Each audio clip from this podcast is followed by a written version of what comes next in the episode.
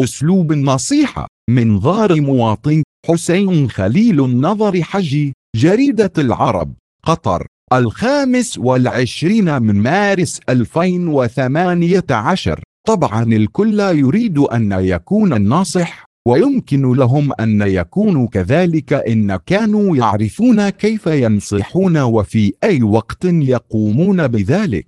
النصيحة جزء من ديننا الحنيف.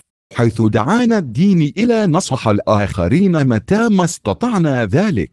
ولكن النصيحة لها أساليب وظروف. واحد يجب أن تكون النصيحة صحيحة في ذاتها. فلا تنصحوا في مجال ليس مجالكم. ولا تفتوا في تخصص ليس تخصصكم أثنان. النصيحة تكون من شخص مؤثر على الشخص المنصوح.